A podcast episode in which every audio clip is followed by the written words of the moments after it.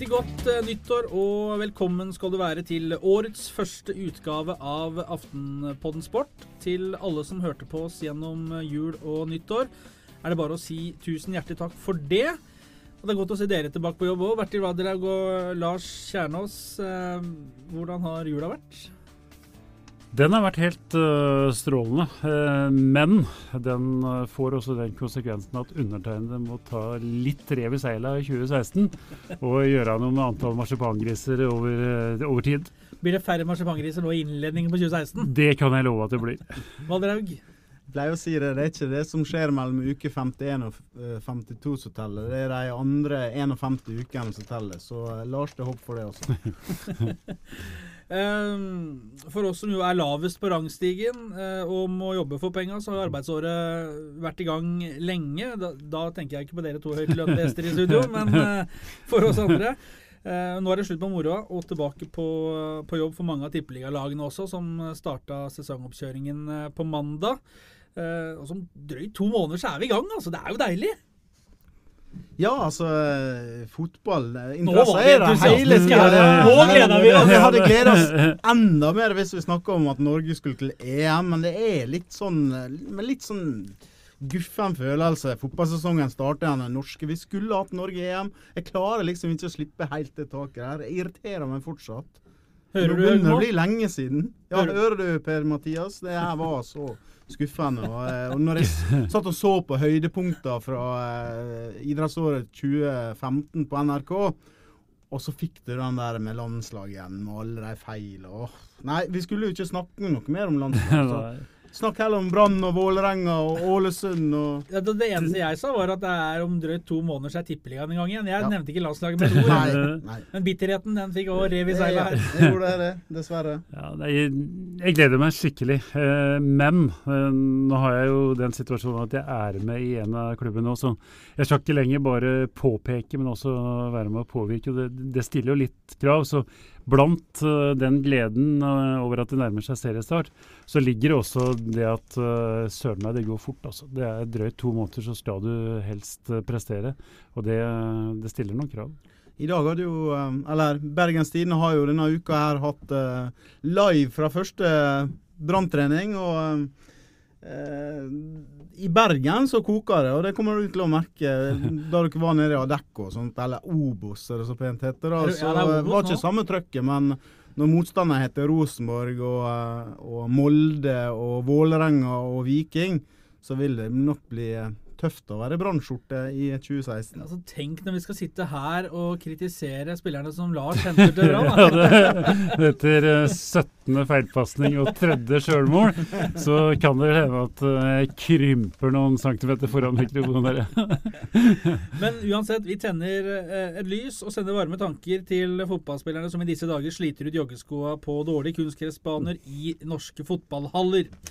Jeg tenkte vi skulle se litt fremover. Nå er det jo starten, eh, starten på et år, eh, og hva vi har i vente i sportsåret 2016. Men først, eh, jul og nyttår det er alltid tid for mye deilig sport. Så også i år, med hoppuka og Tour de Ski som to store, sentrale konkurranser. Hvordan skal vi oppsummere hoppuka når det gjenstår etter den, Lars Jernås? Du har jo vist deg som en slags hoppekspert her tidligere. ja, hoppekspert òg. Den, den, har vært, den har vært venta. De to som har vært klart best, eller de tre som har vært klart best, faktisk, så langt før hoppuka, har vært best også under hoppuka. Og, og, Peter Preverts, uansett hvor uh, god eller dårlig greie jeg har på hopp, altså han imponerer meg. Når du mm. ser en sport hvor det er så merkelig å se at noen som har vært gode for kort tid siden, plutselig ramler gjennom, som Slirensauer eller Rune Velta, så er altså Peter Preverts han er stabiliteten sjøl fra forrige sesong og til denne her, og har knapt et dårlig konkurransehopp i det hele tatt. For en som har vært uh, i Berg-Iselbakken uh, fire ganger i hoppuka. Uh, Senest for ti år siden. Ikke deltatt? Nei, heldigvis. Jeg har vært ved K-punktet mange ganger. Gått på med gangsperre opp og ned trappene der. Men uh, det som jeg syns det, det, er to ting som gleder meg veldig med hoppsporten nå. Det ene er jo selvfølgelig at Norge er tilbake igjen helt i toppen, og med et sterkt, bredt og godt lag.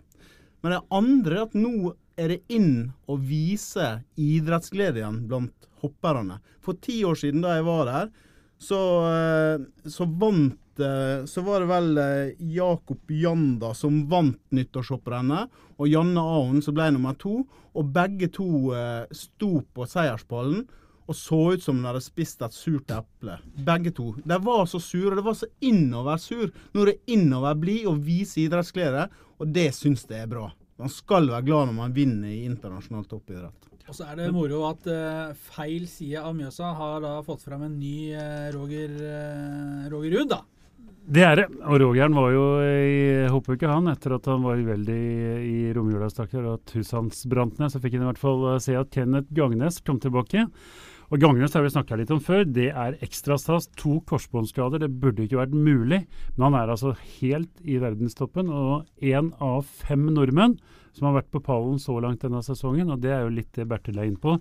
Den bredden i det norske laget imponerer. Men det er ett spørsmål når det gjelder hopp. Hvor, hvor langt hopper ei klokke?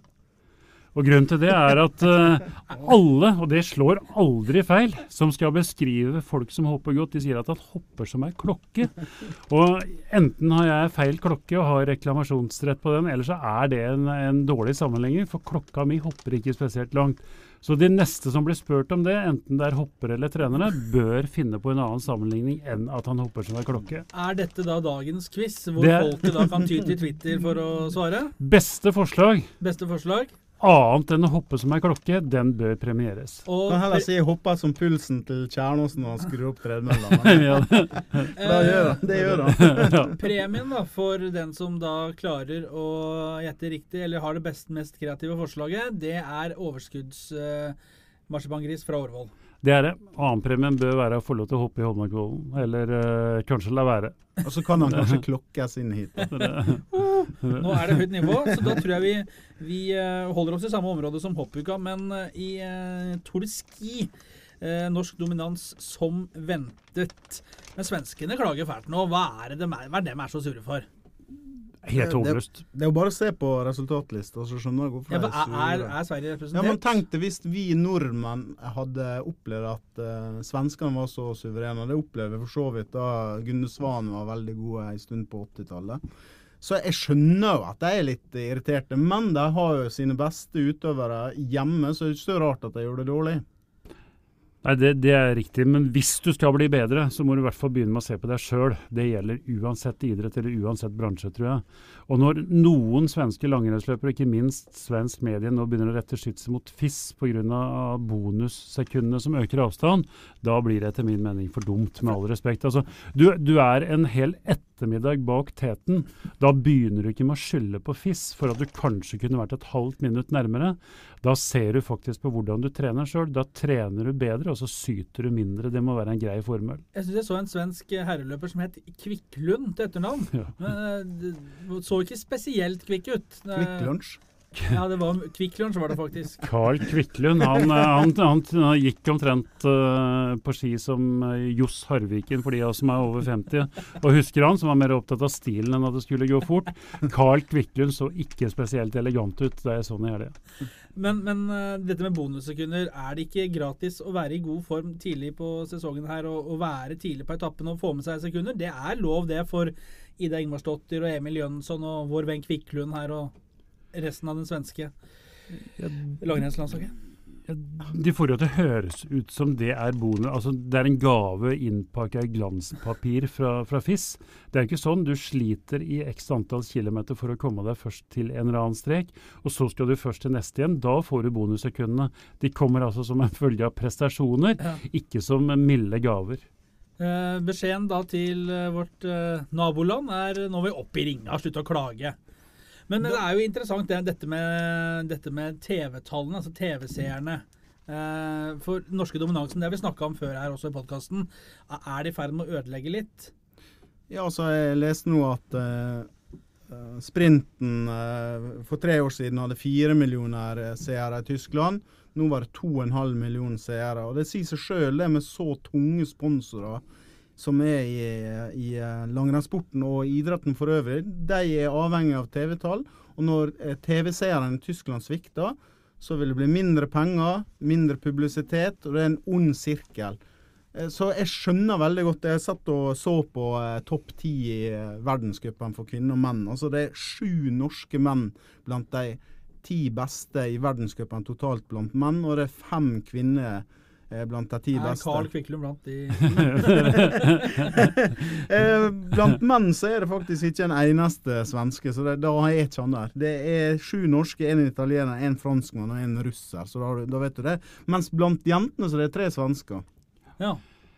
Og det, det aller, Vi har snakka om det før, hvem som ikke er der. altså Hvorfor ikke tyskere er det, italienere er det, svenske, fine. Men det aller rareste syns jeg hvor i all verden er de russiske damene? Vi vokste opp, eller jeg vokste opp i en tid hvor, hvor de hadde Norges posisjon.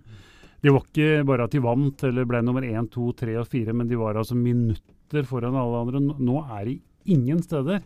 Og skal jeg være litt stygg, så stiller det noen ubehagelige spørsmål med hvorfor de var så suverene før. Men jeg syns det er trist òg at du ikke i hvert fall ser ei russisk løper i nærheten av de ti beste, for det skjer ikke. Vi husker jo Elena Welbe, Nina Gavriljok, eh, Larisa Lasutina, Jejubova Jegorova, ja. Og vi som er litt eldre, Smetana. Smetana. Smetana, det er sterkt navn, altså. Da 82 reiser du deg opp. ski-VM i Oslo. Men er det, er det så enkelt som at når eh, posene fulle av bloddoping ble korka, så ble det stille? Jeg tror dessverre det, at det er en av de viktigste forklaringene. Det, dessverre eh, så underbygger jeg det med at de har ikke slutta å dope seg heller. For det kommer jo avsløringer på en rekke ulike idretter fra samme land fortsatt. Og det tilsier jo at hvis da langrennsløpere endelig har skjønt alvoret, så har de dessverre ikke samtidig skjønt at da må de kompensere med å trene enda mye bedre. Men, eh, men russiske herrene, da, da har du en Ustjugov, du har hatt en Lekov, du har hatt en Kryukov, og vi kunne holdt på en stund. Der er det fortsatt uh, folk som hevder seg, da. De tok jo trippel tross alt i, så seint som i Sotsji under femmila, så de russiske herrene er der. Glemte ikke minst. Der, eh, så, så de er der, men det bekymringsverdige for russere må jo være hvorfor ikke damene er der. Og det, Apropos Sotsji, så var det om, om det var Da vant jo ikke Martin Jonstorud Sundbø. Det var jo disse ukene i Sotsji og ukene i Falun han ikke har vært på topp. Fordi han Når jeg først eh, skal snakke om Tour de. Altså, han er verdens desidert beste langrennsløper for tredje sesong på rad, tror jeg. Og eh, ser ut til å vinne Tour de Ski igjen. Og, og han trener mest, han trener best, han går flottest på ski. Det er en nytelse å se på han, og jeg, og jeg syns at han får ikke den honnøren og den, det klappet på skuldra som han fortjener. For han, han er helt fantastisk, og han har vært det i flere år. Men så var han uheldig i fjor vinter, da det var eh, ski-VM. Han ble syk etter Tour de Ski og kom seg aldri helt i form. Han gikk ganske bra på den avsluttende femmila, eneste øvelsen han var med på. Men fikk det for tungt på slutten i det der eh, trugeføret der. Så eh, Martin Jonsrud Sundby, all eh, salut fra meg. Men det er jo litt morsomt at Ingvild Flugstad Østberg nå er oppe og kvesser klørne litt eh, mot Therese Johaug. Det var en litt overraskende utvikling. Og ikke minst måten hun gjorde det på. Eh, rykka i ei motbakke en kilometer før eh, slutt på, på den ene etappen. Og det Alle satt og venta på at nå kommer Johaug til å avgjøre det den kilometeren før slutt, og så ble det helt omvendt. Det er jo helt nydelig. og det, Jeg satt, sagt litt fleipete, det må jo være det endelige bevis på at fotball faktisk er, eh, er eh, gull også for langrennsløpere. For det er den eneste av langrennsjentene som fortsatt spiller aktiv fotball for Aufoss i annen divisjon. Så gi ungene en fotball før uh, langrennet får fullt tak på dem, så skal du se at det blir enda bedre langrennsløpere ut av det. Jeg husker et intervju med Ingvild eh, i Aftenposten her for tre-fire år siden, der hun, hun sa at hun led av det der er flink pike-syndromet, der hun skulle være best på alt mulig. Og det kan jo hende at det virker som om hun har klart å senke skuldrene litt nå, da, og kanskje spille fotball for å ha det gøy, og så satse på langrennsløpet. Istedenfor, som hun sa i det intervjuet, prøve å være best mulig på alle arenaer. Det er ganske vanskelig når du prøver å være verdens beste skiløper. Og hun har potensial til å bli en ny Marit Bjørgen. Jeg så det, det at hun klarte å slå um, Therese Johaug, jeg tror det var en sånn bøyg på at jeg ser det her er mulig. Har kanskje ikke trodd at det er mulig. Samme som da Therese Johaug slo Marit Bjørgen for første gang. Så var det sånn Oi, det går faktisk an å slå henne. Jeg, jeg gikk bak i ryggen på henne, så at hun ble sliten mens jeg hadde krefter. Den der psykiske oppturen hun får der, den tror jeg hun kan bære med seg videre. Så eh, varsko her. Ingvild Flugstad Østberg kan bli en ny Marit Bjørgen. Og som vi vet der også, fra feil side av Mjøsa ser over på Ja. riktig side. Det, Ikke detalj, det er ikke tilfeldig. Nei, nei, men litt deprimerende var det faktisk i dag, for jeg leste om mora og bestemora hennes, som begge har vært langrennsløpere, og jeg fant ut at jeg faktisk huska bestemora fra skisporet. Og da skjønner du Hun du var vel med i Intuten, var hun ikke Val, det? Valborg Jøsberg, ja. Jeg Var med i Intuten. Da, da skjønner du faktisk sjøl at du begynner å bli litt gammel når du husker bestemora til hun som nå er på topp, fra skisporet. Da er det et lite varsko der. Noen liker dattera, noen liker mora, andre kan godt ta med seg bestemora. Ja, ja. Men folkens, det er flere som har fått kjørt seg i, eh, i jula. Eh, Premier League-spillerne. Fryktelig råkjør der med tre runder på én uke.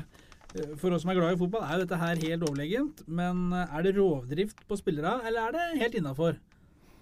Det er innafor, fordi det er England og fordi det er så tradisjoner som det er, så er det innafor. Altså, og de har, vi, vi skal ikke glemme heller at de, har, de fleste har en stall på mellom 25 og 30 spillere. Og kan rullere, sjøl om det selvfølgelig går utover kvaliteten, så er det innafor. Men jeg mener det at Premier League blir ikke ordentlig Premier League uten at det drar seg til skikkelig rundt jul. Da kommer folk og ser på. Da er det til og med plass til annet enn turister og, og sitter og ser på på Old Trafford og på de- alle de andre svære arenaene. Og det er først i den juleuka, syns jeg, at Premier League fortsatt er ordentlig engelsk ball, i hvert fall for meg. Bertil, du har jo klødd nå i dagevis etter å berette om hvordan Tottenham har gjort det i jula. For en gangs skyld så er det berettiget å snakke om det. For det Det er er jo ingen, sånn. ingen, lag som har tatt eh, flere poeng enn Tottenham i juleperioden. Og, og ja, det er bare klapp. Og det vi snakker om, det har en manager som skjønner det med å hvile spillere bruke spillere riktig. Så han har bytta på laget tre-fire spillere fra kamp til kamp. Og Tottenham er jo blant de lagene som løper mest, og som Jeg så kampen mot Everton og tenkte det så ikke ut som de var veldig nedkjørte, de spillerne som var ute der. Verken Tottenham-spillerne eller Everton-spillerne etter pause. Det var riktignok helt uh, overkjørt av Tottenham første gang, men der ser man Say hello to a new era of mental health care. Cerebral is here to help you achieve your mental wellness goals with professional therapy and medication management support. 100% online. You'll experience the all new Cerebral Way, an innovative approach to mental wellness designed around you. You'll get a personalized treatment plan from a therapist, prescriber, or both in a safe and judgment free space. Your cerebral therapist or prescriber will outline a customized plan with clear milestones along the way so you can get to feeling your best. With Cerebral, you're not alone in your mental health journey. We're here to empower you to live a fulfilling life. So take that first step towards a brighter future and sign up today at cerebral.com slash podcast and use code ACAST to get 15% off your first month. Offer only valid on monthly plans. Other exclusions may apply. Offer ends July 31st, 2024. See site for details. Say hello to a new era of mental health care. Cerebral is here to help you achieve your mental wellness goals with professional therapy and medication management support. 100% online. You'll experience the all new Cerebral Way, an innovative approach to mental wellness designed around you.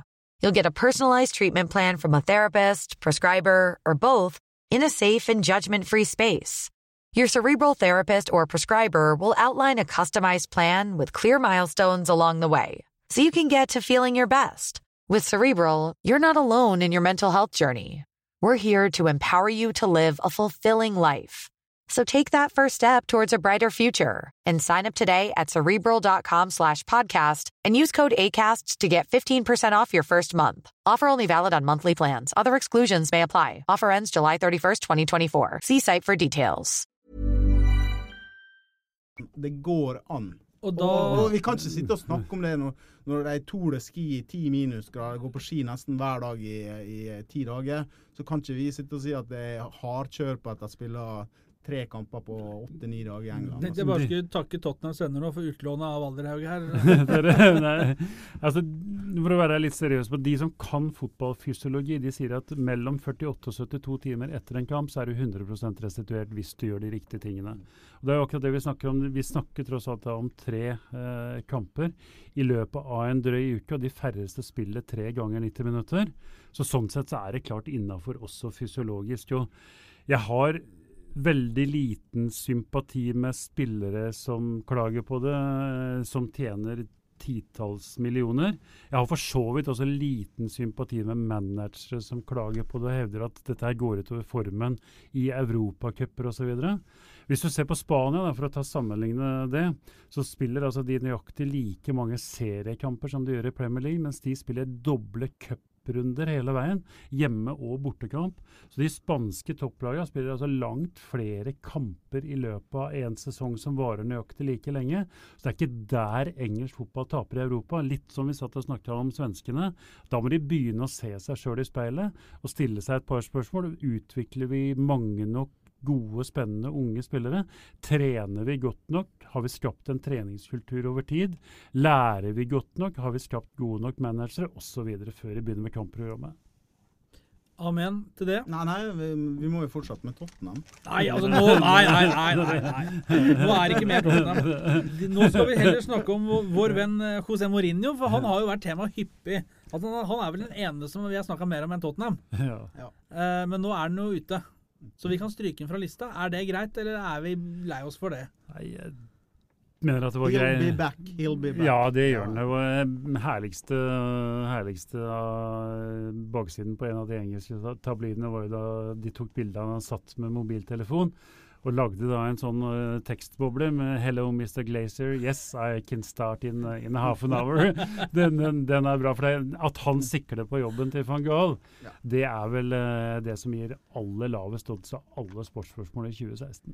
Men våre venner i Leicester, som jo har liksom vært våre nært allierte her utover høsten, der har det lugga litt mer nå. Nå er det Arsenal som har overtatt tabelltoppen. Hva er den uh, for, store forklaringen på det? Det enkleste av alt at de har slutta å være effektive. Nå bomma til og med Mares på straffe mot, uh, mot Bournemouth, og hvor de brente en del eh, gode målsjanser mot Manchester City. Der spilte de forresten veldig godt, så, så de har fått dårlig betalt. Var visstnok overlegne mot Bournemouth uten at jeg så den. Så de kunne fort ha sittet med seks i stedet for to poeng mot City og Bournemouth, og fortsatt vært i den flytsonen. Så jeg tror faktisk fortsatt de er så gode at de kan sensasjonelt ende blant de fire beste.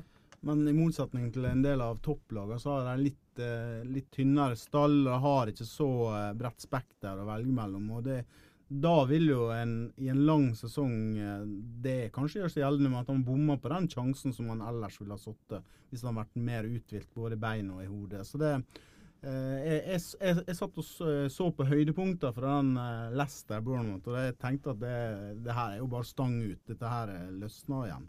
Skal ikke de spille De skal spille fullt av cupkamper og sånt fremover også, så det blir Det blir spennende å se på Leicester, men eh, topp fire, det tror jeg ikke. Nei, vi, vi får se. Jeg, jeg, vi må jo være litt uenige, så jeg sier at de kommer til å ende blant uh, topp fire til slutt. Å, Dere- for en, Men Chelsea Men- kommer opp dit. for en Nei, ikke helt til topp fire med Chelsea. Nei, det, tror- det tror jeg ikke. Det, det, Nå er det mye deilig uenighet ja, inn i det- 2016 det- her, ja, altså. det- Ja, nei, Bare ikke vi begynner å snakke om Brann, så er det greit. ja, nei jeg, jeg tror ikke, det er Hvis du ser på antall poeng som Chelsea skal ta igjen, så er det ikke så, det ikke så langt opp. Men de har så innmari mange de skal passere. Ja. Og da må de bl.a. forbi Tottenham, Bertil. Det spørsmålet er om de greier det. Men da blir, det, da blir det få å passere etter hvert, hvis du skal bli blant topp fire. Arsenal greier dem ikke. Manchester City greier dem ikke. Da må de passere Tottenham og Manchester United. Det tror jeg ikke de greier med begge. Uh, nå, nå gleder jeg meg utover våren her. Altså, nå kommer det til å Ja, i studio. Er det andre ting dere har merka dere fra jul- og nyttårshøytiden som har med idrett å gjøre?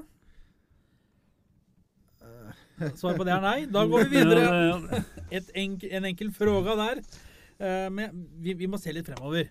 2016 blir jo et fantastisk idrettsår. eh, som starter eh, i januar med håndball-EM for menn, som jeg har plukka meg ut. Vi får ungdoms-OL på Lillehammer i februar. X Games i Oslo slutten av februar. Eh, VM i skiskyting i Kollen i mars. Ishockey-VM selvfølgelig med Roy Tåka Johansens siste VM. Eh, Fotball-EM selvfølgelig uten Norge. Det har vi vel vært inne på. Bertil, du tok jo den litt tidlig.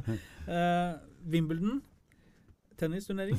Eh, Tour de France. Sommer-OL i Rio. Og så er det jo sykkel-VM eh, i Qatar i oktober, og så er det cupfinaler, og så er det håndball-EM for kvinner som avslutter. Og så er det jul og marsipan igjen, Ja, ja, det er deilig. Det er det. det er en, når du sier det sånn, så merker jeg hvor mye jeg gleder meg til 2016. Men for meg er det topp tre av det. Så er det én fotball-EM.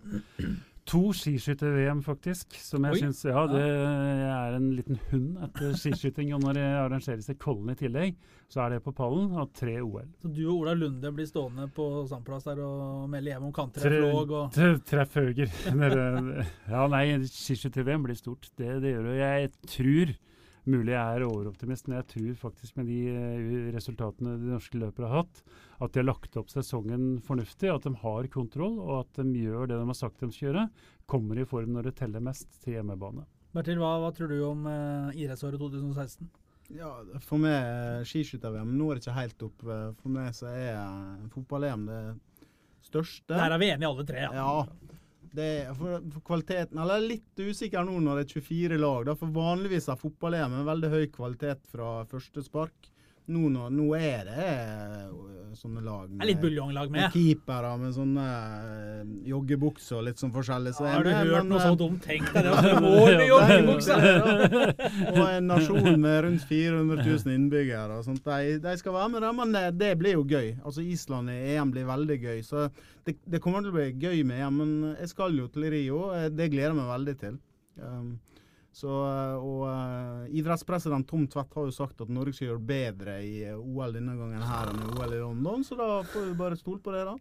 Så da blir det gøy å være norsk. og det, det, Tutta skal være med, det blir jo golf, og vi har jo en ny uh, svømmer uh, som kan gjøre det bra og sånn, så jeg- det, det Men- det er jo utrolig gøy med, med OL. Eh, Sommer-OL som er så det, det blir liksom Da må vi løfte blikket litt, ikke være helt sånn se alt med eh, rødt, hvitt og blått. Altså Da løfter vi blikket, og så ser vi på internasjonale perspektiver og sånt. Og det er gøy. Spesielt når da er i eh, Rio det skal arrangeres også. For det, Rio, Jeg var jo da Rio ble valgt i København, og da ble det valgt foran Madrid og eh, eh, Barack Obama sitt hjemsted Chicago. Mm. Alle trodde at Chicago skulle bli valgt fordi Barack Obama kom dit. Han kom, ble flydd inn for å, for å holde en tale. Men yes we can not den gangen. De valgte Rio fordi det var den beste søkeren, og det var jeg helt enig i. Det blir gøy å komme dit og se hvordan de får til OL. Og sommer-OL er vel også verdens største idrettsarrangement. eh, Med, så vidt jeg leste her, 10 500 deltakere. Det skal konkurreres i 28 forskjellige grener, og det er over 300 forskjellige konkurranser. Så det er litt av et uh, apparat som skal uh, reises og stelles i stand mellom favelaene i Rio. Får håpe at det går uh, ryddig for seg. Men at ingen av dere nevner Tour de France, det er jo direkte skuffende. Tenk når guttene ruller ut i Normandie, nesten 200 ryttere. Alexander Kristoff. Can you hear Kommer me? jo til å være som sånn tungvektsbokser som henger etter eh, taua vi mellom EM og OL, vet du. Det er ikke mange ukene. Eh, EM-finalen er vel rundt 10. juli. 10. juli, og så begynner OL eh, 5. august. Så da er det liksom De ukene der må vi må ha litt ferie òg. Og Tour de France det går vel fra 2. til 24. Ja, sånn så det Ja, nei, beklager altså. Det, sykkel har eh, tapt seg litt eh, hos meg. Det blir litt sånn Postgirobygget synger 'Så lei av å bli lurt'. Var det vinneren som uh, vant? Og jeg, jeg var kjempeivrig på Tour de France uh, lenge. Inntil akkurat det har skjedd at uh, du får greie på fire, fem, seks år seinere at det var egentlig ikke han som klatra så fenomenalt opp til, til fjellet der som vi hadde trodd. Så jeg, jeg har aldri greid å få tilbake det kjærlighetsforholdet til Tour de France og sykkel som jeg hadde da jeg var yngre, dessverre. Men 22 år etter The Best Games Ever, så skal OL-ringene igjen på Lillehammer. Det blir jo morsomt med ungdoms-OL. Eh, unge utøvere mellom 15 og 18 år som skal konkurrere der. Det blir spennende. Det var et stort arrangement eh, sånn sett i, i norsk målestokk også. Nest største som har vært arrangert i, i eh, Norge, faktisk. I antall, uh, antall eh, deltakere, er det vel. Det blir spennende å se hvor stor oppmerksomhet det får både her i Norge og internasjonalt. fordi det har jo vært arrangert eh, ungdoms-OL før, og vi har knapt eh, fått eh, med oss det på notisnivå en gang. Så det blir, det blir artig å se. Men det som er det beste med ungdoms-OL, det er at du får frem en ny generasjon eh, frivillige som stiller opp der. Og, en, det jo kan flott, være en ny eh, generasjon eh, idrettsledere. Det er viktig for Norge. For det dugnadsånden har vel ikke akkurat eh, økt eh, med de siste åra. Så det er viktig det å, eh, å få fram det. For jeg husker da vi gikk rundt på Lillehammer 94 med disse der eh, rosa, grå bobledressene der oppe. Det, når jeg ser dem nå, så slår vi en god gammeldags floke. Ja. Men hva med hvitkledde tennisspillere elegant ute på gresset i London i Wimbledon? Det er jo det er fint krydder å ha med seg uh, i sommeren, det òg. Lars må jo få lov til å svare på det, for han Ja. fikk jo sparken rett før eh, Wimbledon-turneringa. Han bodde jo i området der. Du var jo nabo til uh. Oi, oi, oi. Og var på kamp. Var på kamp? Yes, oh, ja, du ble så- ansatt før ble eh, ansatt før den turneringa okay. i 99, så Ja. vi ble faktisk invitert og så Boris Becker i, eh, i VM, og det var stas, altså. Tennis er eh, Der har jeg beholdt, holdt jeg på å si, kjærlighetsforholdet. For du klasker litt litt jeg klasker litt tennis innimellom, på litt annet nivå enn Boris Becker. Men fy flate fort det gikk. Mm. Altså, en ting er å se det på TV når du satt uh, og så det live. Det går altså så vanvittig fort. Og når vi snakker om store idrettsutøvere, de beste tennisspillerne i verden, de er altså så komplette. Novak Djokovic uh, f.eks. Det er helt umulig, det blir pærer og epler og alt de greiene der, men han tåler sammenligning med de aller fleste i de aller meste. Men bodde du så nærme at du hørte den der Nei, det, det er ja, nesten det er, eh, Så jeg, jeg satt sånn og så fram og tilbake over nettet. Nei, ikke, ikke, ikke fullt sånn her, men eh, rett, rett borti veien. Jeg må bare si at jeg var faktisk eh, på OL-finalen mellom Murray og Federer i 2012. Oi, oi. Fikk eh, ett sett med oss fra pressetribunen. Det var eh, en magisk opplevelse, som du sier. Gikk utrolig fort. Så få høre en liten en gang til. Dere, dere, dere. Han treffer du ballen litt gærent.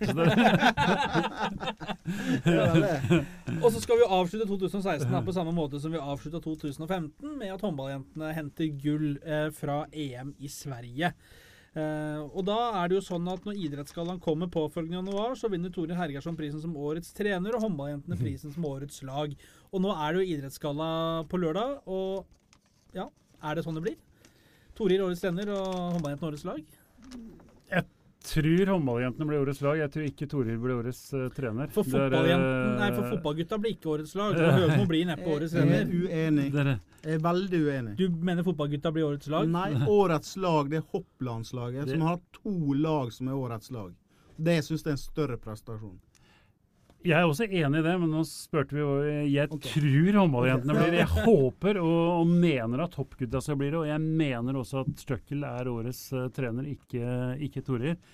Uh, nettopp pga. det Bertil er, eh, er innom. altså De sa det i stad, fem norske hoppere på pallen, og ingen av de fem stort sett har vært, eh, med unntak av Fannemel, vel, har vært etablert der oppe fra før av. Det er nye gutter som nå Støkkel har greid å bygge lag nummer to av. Og I tillegg så tok de gull i, eh, i Falun etter at de har slitt i mange år med å klare å slå Østerrike.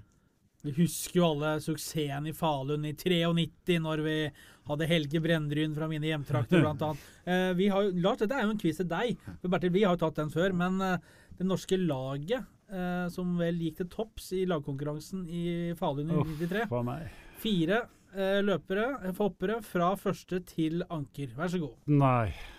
Nei, nå røpa Brenderud ja, Selvfølgelig Espen Bredesen var uh, nummer uh, fire.